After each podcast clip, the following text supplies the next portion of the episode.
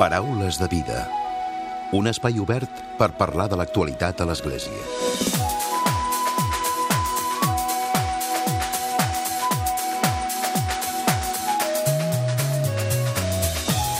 Salutacions i molt bon dia, molt bon diumenge. L'Associació Memorial Bisbe Joan Carrera, creada l'any 2012 amb l'objectiu de conservar i de promoure el llegat del qui fou bisbe auxiliar de Barcelona, commemorarà el desè aniversari de la seva mort amb la convocatòria de la primera edició dels Premis de Periodisme que porten el seu nom.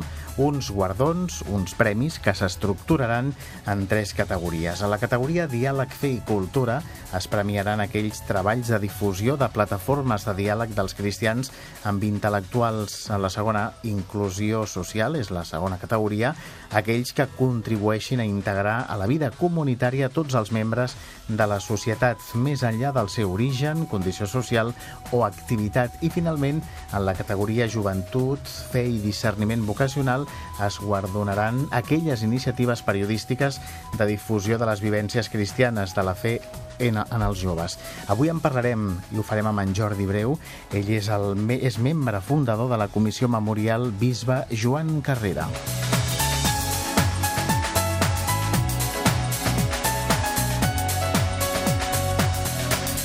I com sempre, a la recta final del Paraules de Vida arribarà un nou comentari de l'actualitat de Francesc Romeu. Comencem.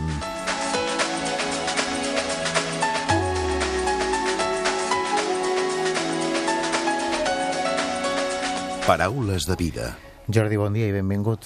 Hola, molt bon dia. Uns primers premis, un memorial per recordar la figura del bisbe Joan Carrera.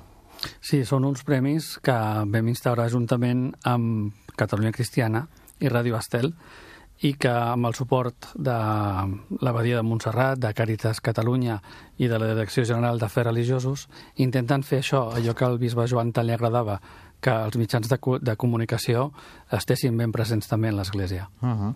Ara parlarem també concretament de, de com es convoquen, de quines són les, les bases. Ara ho hem dit a la, a la portada, a la introducció del programa. Hi ha diferents categories no?, per aquests premis. Sí, sí, són tres aspectes que van ser tres constants en, la, en, el, en el que fer de cada dia del, del bisbe Joan. Ell sempre s'ha sentit atret pel tema dels mitjans de comunicació i allà on ell va estar present, tant pastoralment com socialment, sempre va intentar eh, establir aquesta vivència de l'Evangeli a través d'aquests àmbits. Uh -huh.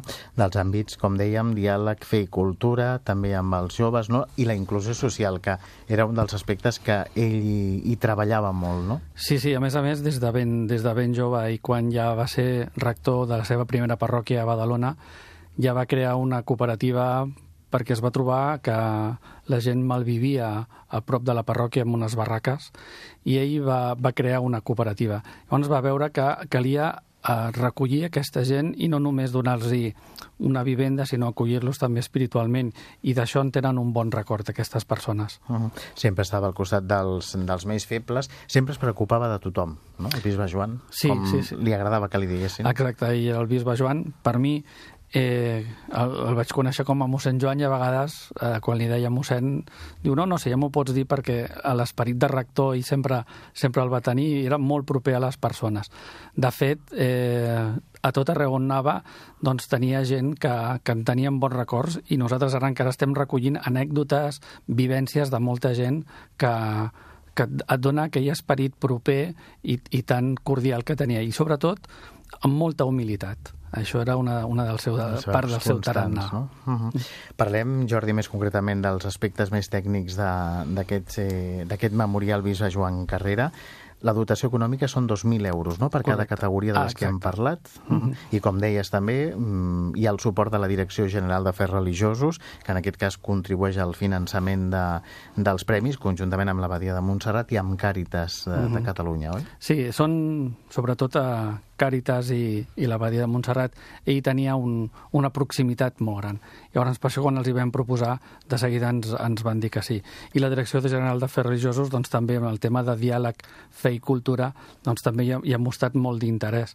De fet, aquest, aquest diàleg fe i cultura que ell eh, també, mm, sent jove, eh, va fer amb la creació de l'editorial Nova Terra, que va impulsar no només eh, llibres religiosos, sinó de tot tipus de caire eh, social, educatiu, i van escriure aquí com gent com Maria Aurelia Campmany, Teresa Cap, Teresa Pàmies, eh, Manuel de Pedrolo, i clar, tota aquesta gent, tot això s'ha anat recollint, i, i, i el, el, el pòsit que hi va anar deixant doncs l'hem anat ara recollint nosaltres. Va deixar un llegat molt gran el bisbe Joan Carrera, oi, a tot arreu, no? Per, per allà on passava el bisbe Joan Carrera i deixava empremta. Sí, estava molt atent sobretot de les necessitats de la gent de, de la parròquia anés o no anés a missa, perquè això és una altra constant que ell a vegades eh, no hi feia distinció. Evidentment sí que la gent que més propera a la parròquia doncs l'hem conegut més, però no en feia cap tipus de distinció quan parlàvem de necessitats. No? Per exemple,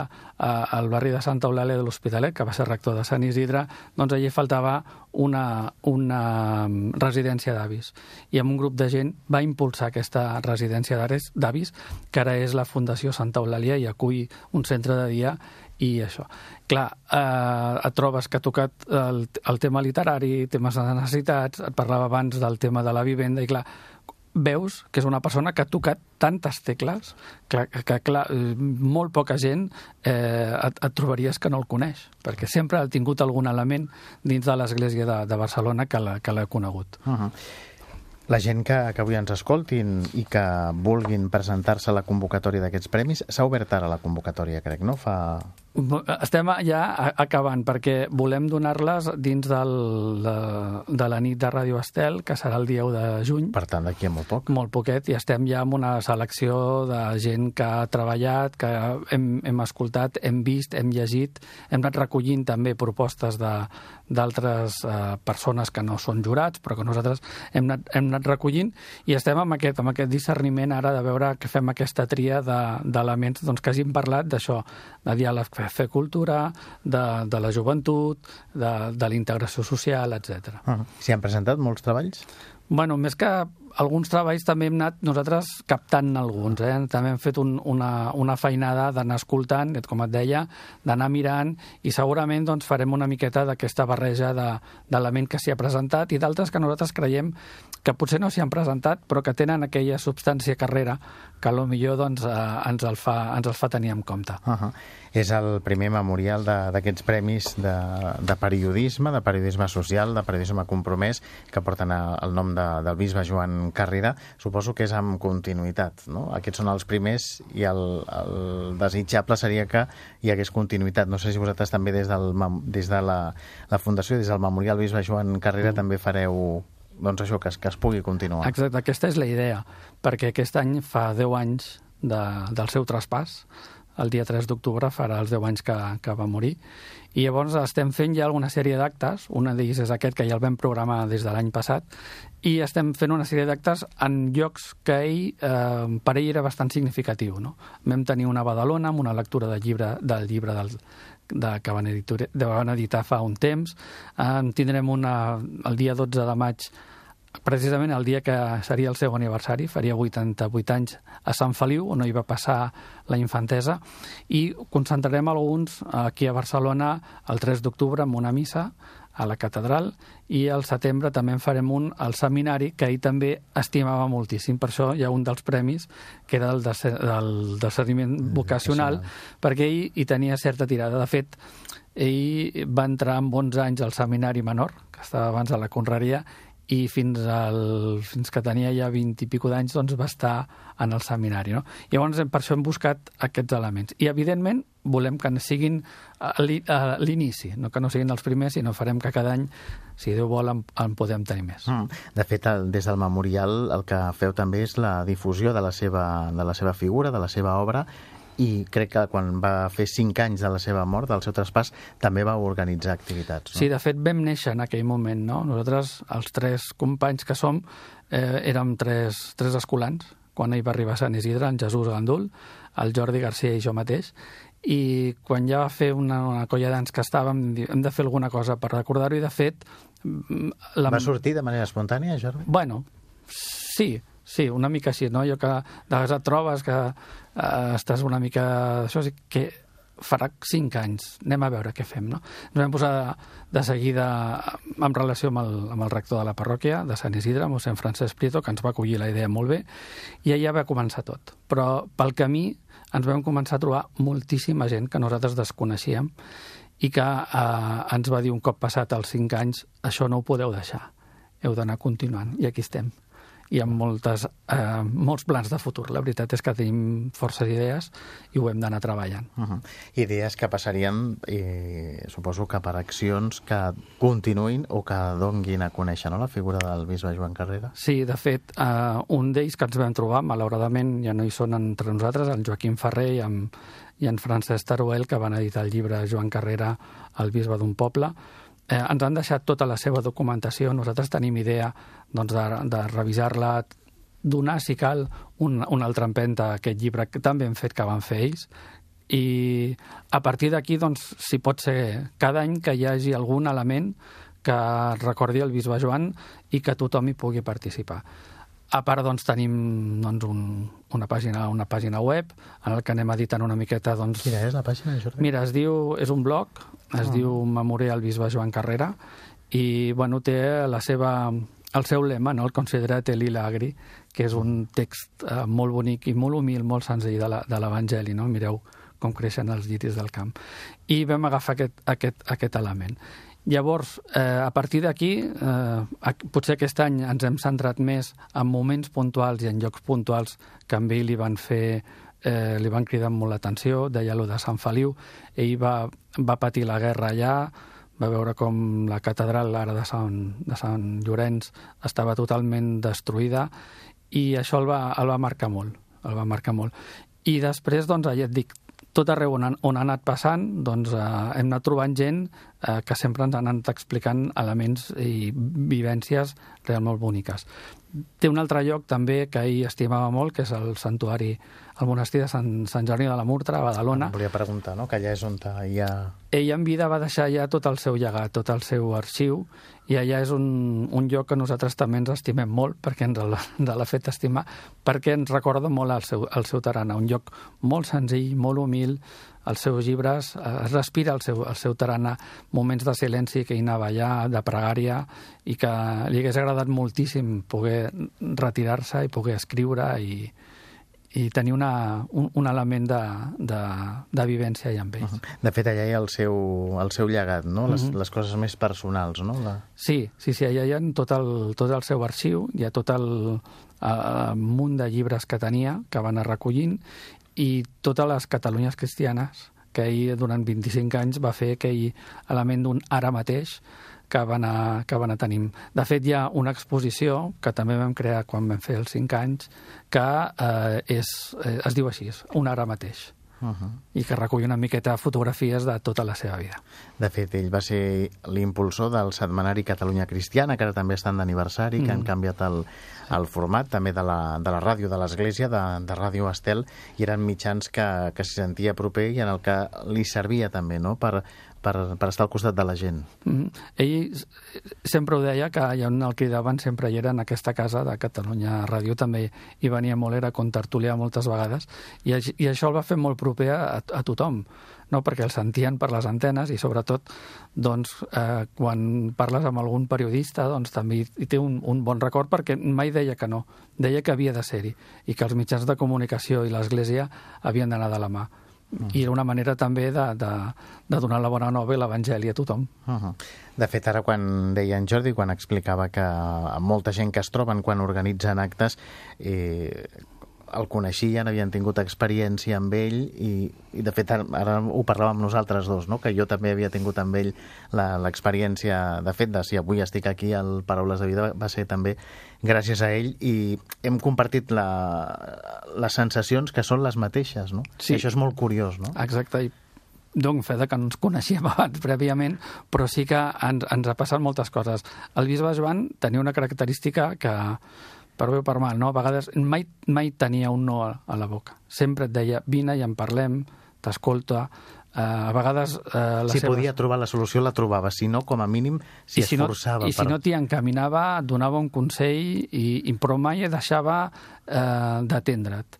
i tinguessis un problema que, mira, jo, una anècdota molt, eh, vaig tenir una situació personal, vaig trucar a la seva secretària, la Mercè, i de parlar amb el bisbe Joan, i em va dir, diu, vine demà. I vaig anar demà al bisbat, l'endemà, i, i diu, mira, diu, allà hi ha el bisbe, no sé de quin país d'Àfrica, i em diu, diu, però no pateixis, primer t'atendrà tu, després amb ell, ell té molt de temps, tu no. Clar, és allò que dius, bueno, no? aquest tarannà, aquesta manera d'acollir-te, passa, passa, vine que en parlem, eh, ho, ho vius amb ell i encara te'n recordes amb ell i encara el veus amb aquell somriure tan, tan característic que tenia, no? Uh -huh. De que deixava, deixava empenta, no?, el, el bisbe Joan Carrera. Des del memorial fareu altres coses més? Bueno, hi ha, alguna, hi ha de algun fet, projecte. És feina, sí, no? sí, sí, no, la veritat és que aquesta és una feinada, no? Ja et dic, i aquesta que, que tenim el 12 de maig, després ho concentrarem cap al mes de setembre, que és quan el van ordenar... ja s'aproximi després també. Exacte, no? també el 21 de setembre farà els anys que el van ordenar a bisbe, doncs nosaltres serà el 27 de setembre que farem aquest acte, el 3 d'octubre farem la missa a la catedral, que és el, el dia que va, que va morir, i el 6 d'octubre doncs, tancaríem una miqueta l'any carrera, però tancar-lo d'una manera especial en el lloc on ell, on ell ho va deixar tot. Però tenim algun projecte de cara a l'any que ve que... que bueno, encara no es pot. Encara, encara estem, l'estem elaborant i jo crec que pot ser un, un projecte molt, molt interessant. Quantes persones esteu al, al memorial?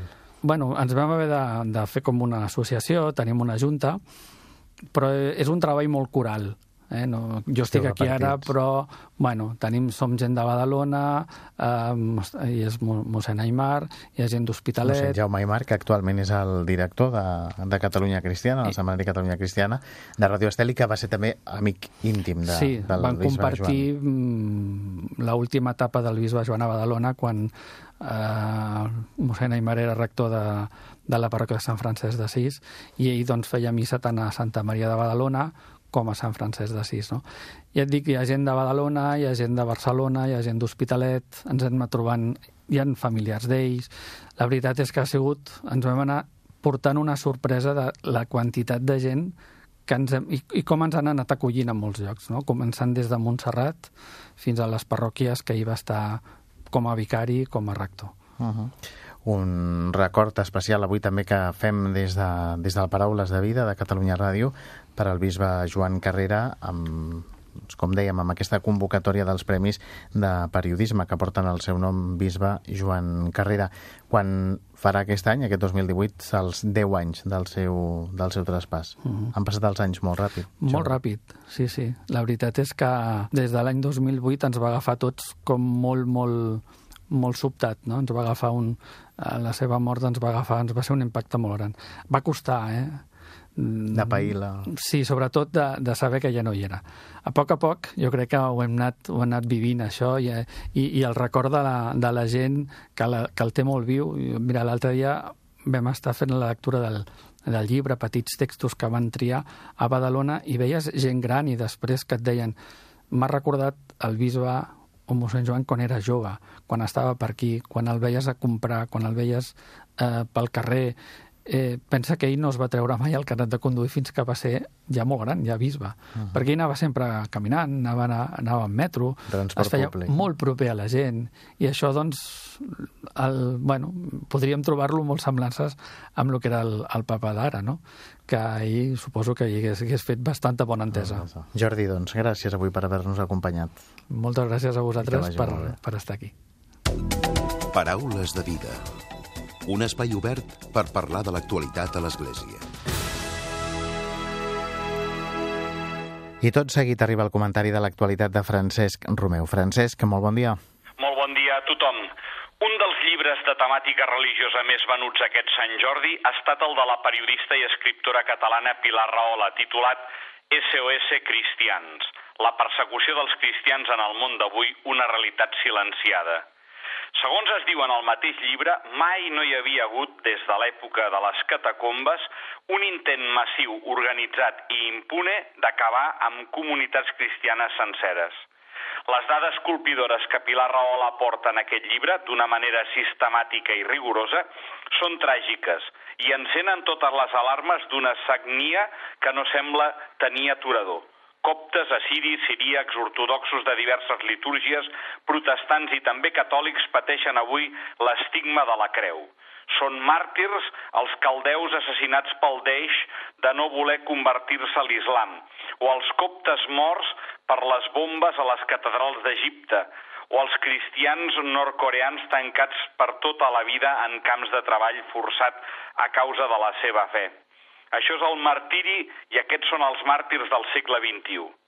El papa francès també s'ha referit en repetides vegades a que la xifra de màrtirs actualment és molt més superior que la dels primers segles.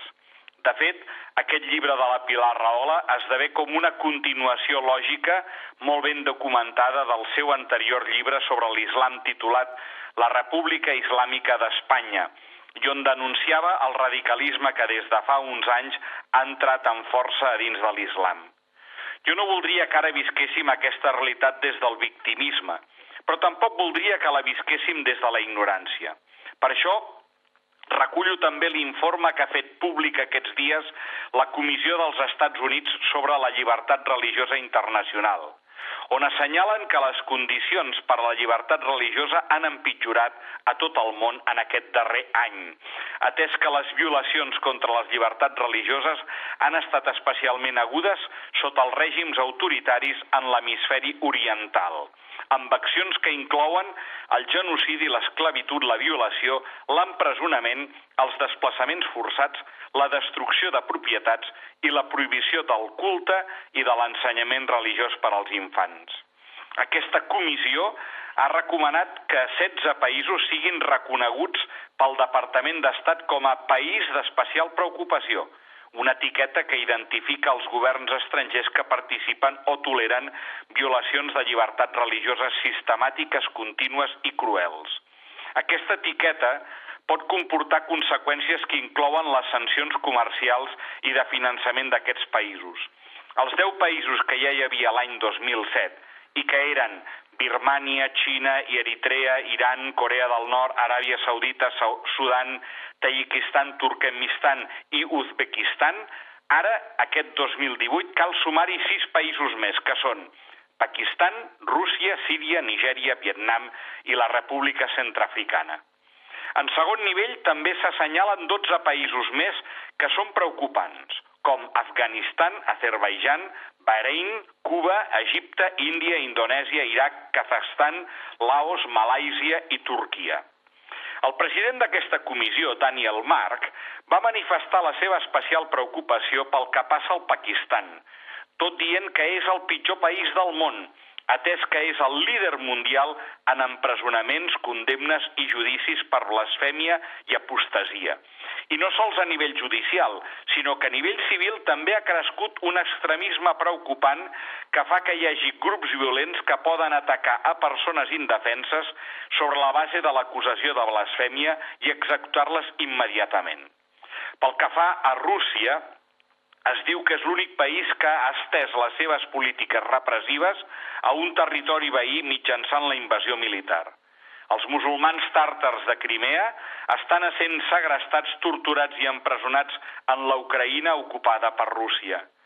Pel que fa a la Xina, es reconeix que el model socialista impregnat de característiques xines de la campanya del president Xi Jinping pretén un control estricte del govern sobre les seves religions reconegudes i s'assenyalen dues regions de la Xina on hi ha minories ètniques i religioses perseguides, com són el cas de Xinjiang i el Tíbet, que són autèntics estats policials on es torturen a presos de consciència i a defensors dels drets humans per forçar-los a confessar i obligar-los a renunciar a la seva fe.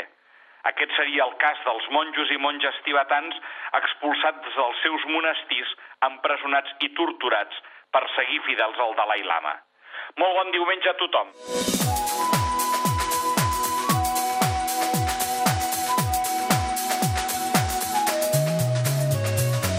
Punt i final al Paraules de Vida d'aquesta setmana, d'aquest diumenge. L'Eduard Nas ha estat el control tècnic i qui us ha parlat l'Emili Pacheco. Que passeu bon diumenge i una molt bona setmana.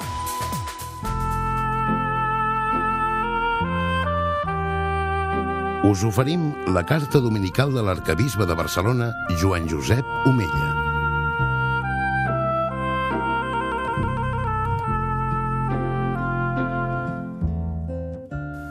Déu vos guard.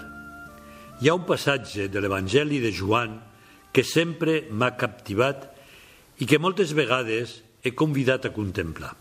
És el moment en què Jesús confia a la seva mare al deixeble estimat. Li diu Jesús, i ens diu a cada un de nosaltres. Aquí tens la teva mare. I d'aleshores, ençà, el deixeble la va acollir a casa. Jesús mira la seva mare, la mira amb agraïment. D'ella va rebre el do de la vida. La mira amb amor, com la seva mare el mira amb tendresa. Però ara tots dos es miren enmig d'un intens dolor. Aquesta és la situació de moltes trobades que es viuen en els hospitals i clíniques del nostre entorn més proper. Molts professionals intenten certament que el malalt se senti protegit. Per això cal no abaixar la guàrdia i treballar contínuament per la humanització de la sanitat per aconseguir que els malalts sentin que tenen al costat una mà amiga. Amb les paraules de Jesús, aquí tens la teva mare, el deixeble, Joan, rep el manament de tenir cura de la seva mare, de no deixar-la sola. Quedar-se sol és terrible. Aquesta és la situació de molts malalts allunyats dels seus familiars i amics. Aquesta és la situació de dolor i silenci de molts familiars que acompanyen el patiment d'un ésser estimat o fins i tot la possibilitat real d'un comiat segur. En moltes ocasions la solitud és més dolorosa que la malaltia. La major solitud és viure el dolor sense amor, sense companyia. Estimats germans i germanes, aquest diumenge sisè del temps de Pasqua celebrem la Pasqua del malalt. Com ens recordava el lema per a la Jornada Mundial del Malalt d'aquest any, la família és l'àmbit ideal per tenir cura del malalt. En efecte, la família, com a primera cèl·lula de l'amor i de la vida, acompanya, escolta, enforteix i anima al malalt en la convalescència fins que es recupera i quan arriba al trànsit de la mort l'agafa de la mà fins que travessa el llindar de la nova vida. Però l'Església i tots els seus membres, com a família de les famílies dels fills de Déu, estem també cridats a posar tot el nostre esforç i capacitats perquè la persona malalta recuperi l'alegria i les ganes de viure.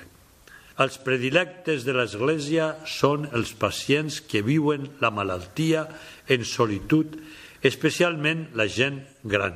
Dono les gràcies a tants metges, infermers i infermeres, auxiliars i personal no sanitari dels hospitals que ens informeu als sacerdots i membres de la Pastoral de la Salut de les persones més necessitades de companyia i escalf humà. Gràcies per deixar-nos compartir amb vosaltres la tasca d'humanitzar l'assistència sanitària i gràcies perquè vosaltres feu un treball ben bonic. Quan a una mare s'aixeca una vegada i una altra per mirar el seu fill que geu al llit malalt i amb dolor, el mira amb tendresa però no aconsegueix donar-li el que tant necessita, la salut. També el fill la mira impotent als ulls.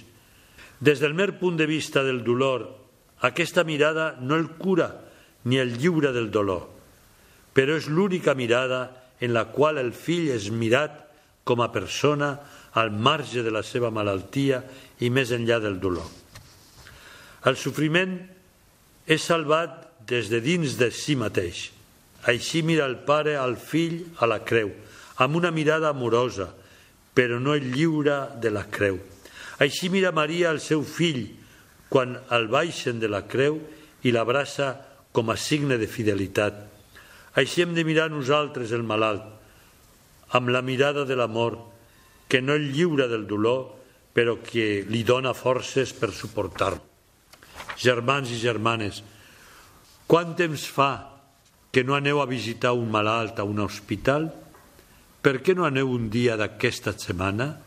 I si afortunadament no teniu a ningú a qui visitar, us animo a apropar-vos a un centre sanitari. Pregunteu si hi ha alguna persona que no rebi visites i quedeu-vos una estona amb ella.